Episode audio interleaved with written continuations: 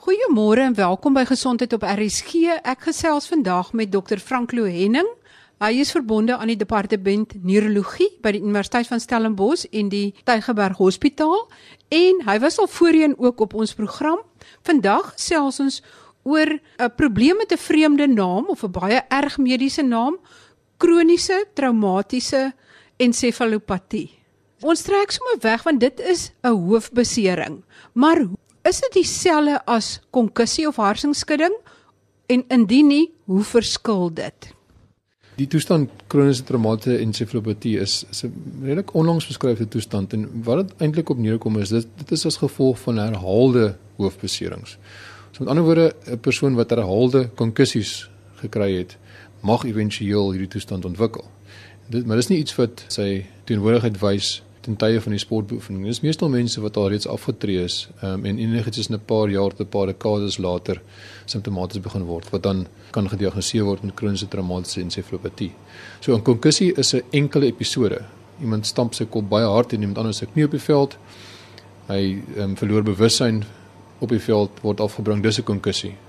En dis natuurlik nie beperk net tot daai scenario nie. Daar is mense skryf grade van konkussie kan net 'n bietjie geheueverlies vir 'n kort oomblik wees, is ook 'n vorm van konkussie.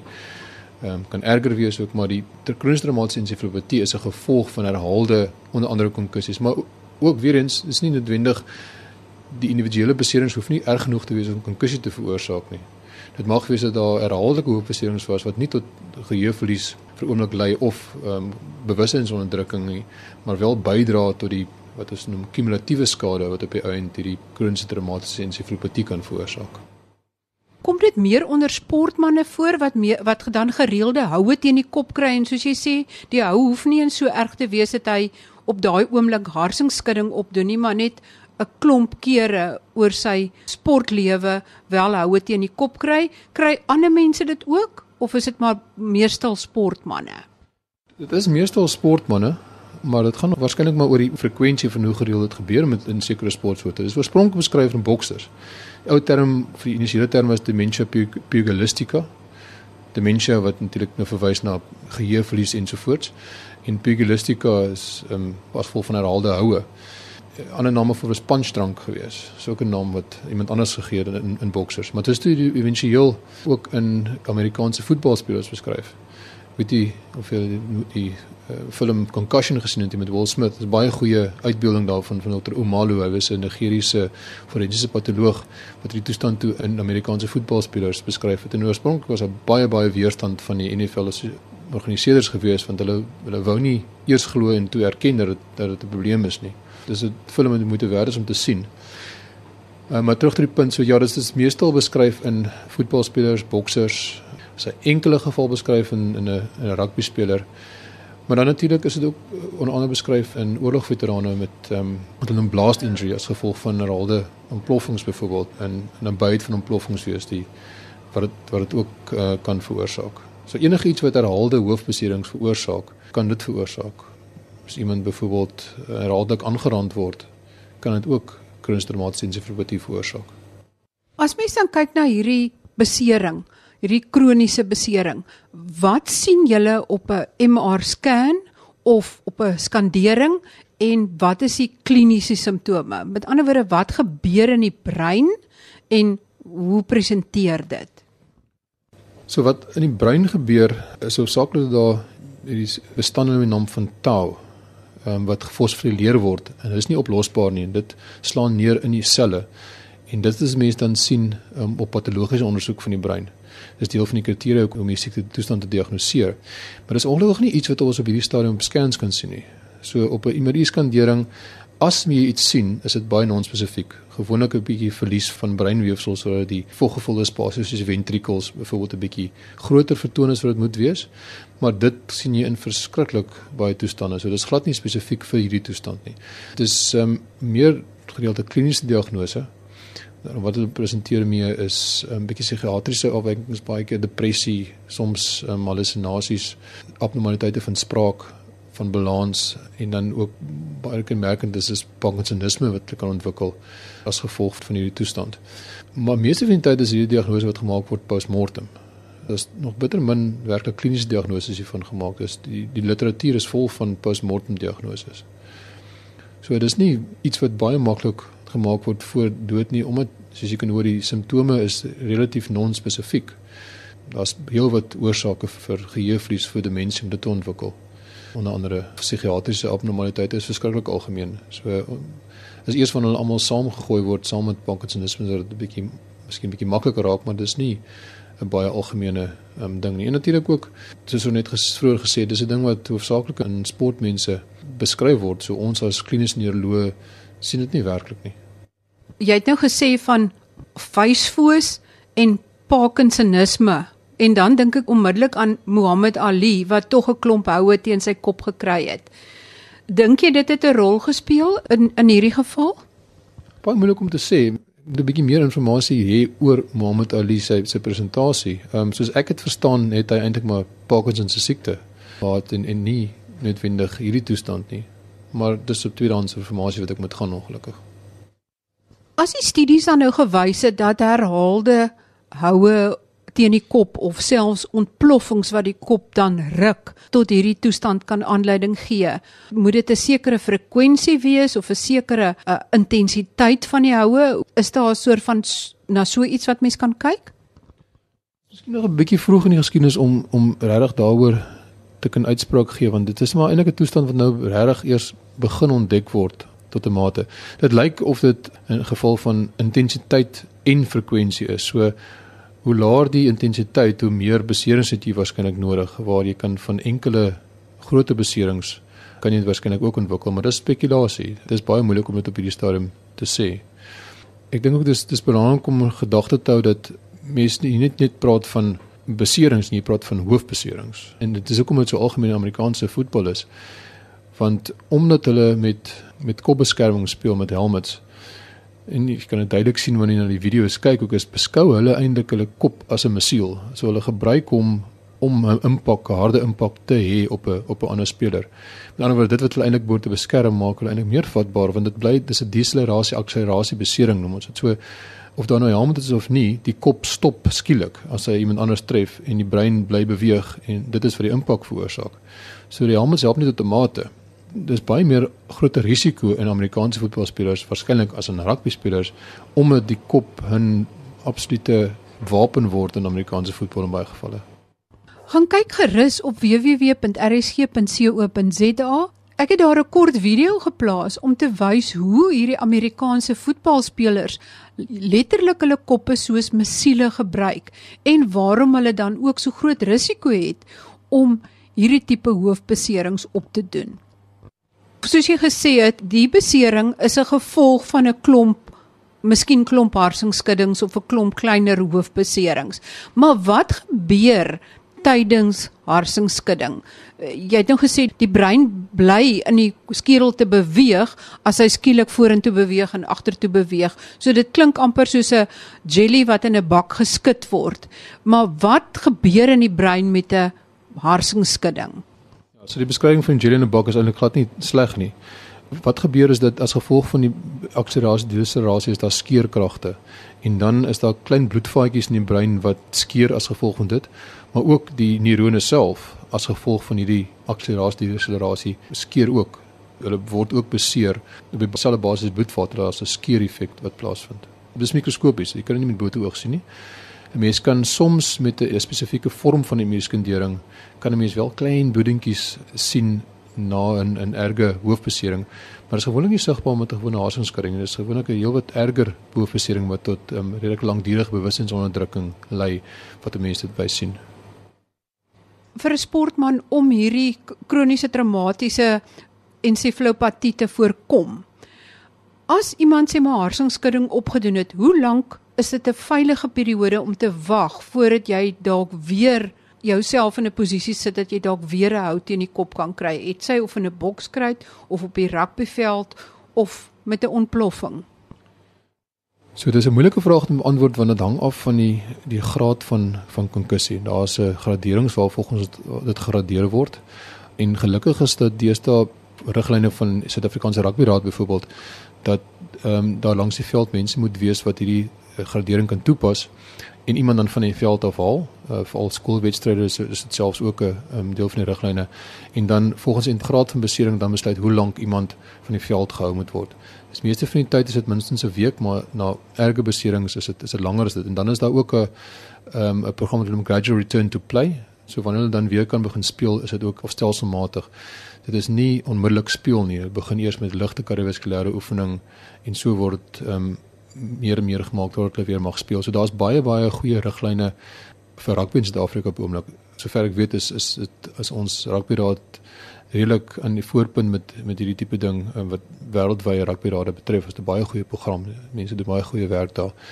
Maar dan vir die ander sportsoorte wat nog nie sulke riglyne is nie, is dit maar belangrik om te gaan kyk na, die graad van die inkussie en dan te besluit hoe lank um, iemand afbly. En dan ook of vir die eerste of die tweede of derde konkussie is. As dit byvoorbeeld tweede is, moet jy langer uitspel gehou word as as na eerste ene. So dis dis 'n moeilike vraag om met 'n enkele antwoord te antwoord. Dit uh, dit hang af van die graad en hoeveel beserings daar reeds was. Ek neem aan dat jy as neuroloog en ander neuroloë in Suid-Afrika nie juis verskriklik opgewonde is oor die sport boks nie. In terme van hierdie toestand wat ons van weet, um, dink ek dit is 'n 'n baie gevaarlike sport om te beoefen. En dit geld natuurlik ook vir goed soos Amerikaanse voetbal. En ek is effens onseker nog hoe ek oor rugby voel. Ek ek dink die probleem is dat ons nou maar hierdie toestand eers begin goed bewus word van. Um, so mens moet sien hoe die toekoms inhou. Dokter Henning, is daar 'n verband tussen hoofbeserings en motorneuron siekte? Dit is 'n baie goeie vraag. Ek dink ek kan dit vir jou met redelike sekerheid antwoord en te sê nee. Maar ek wil dit nie kategories stel nie. Op hierdie stadium lyk dit of daar nie 'n verband is nie. Nou die rede is dit. Dit kom na vore omdat heel bekende sportmense uh, motorneurone siekte ontwikkel. En dis ook oorspronklik beskryf in Italiaanse sokkerspelers dat hulle hoër insidensie van motorneurone siekte het omtrent 6 keer meer as die as 'n mens sou verwag. En dis gespostuleer met as gevolg van 'n dadelike hoofversekering as gevolg van die headers is wat hulle die bal met die, met die kop slaan. Daarna is dit beskryf in die Amerikaanse voetbalspelers in die NFL liga wat so 4.3 keer hoër insidensie gehad het as mens sou verwag.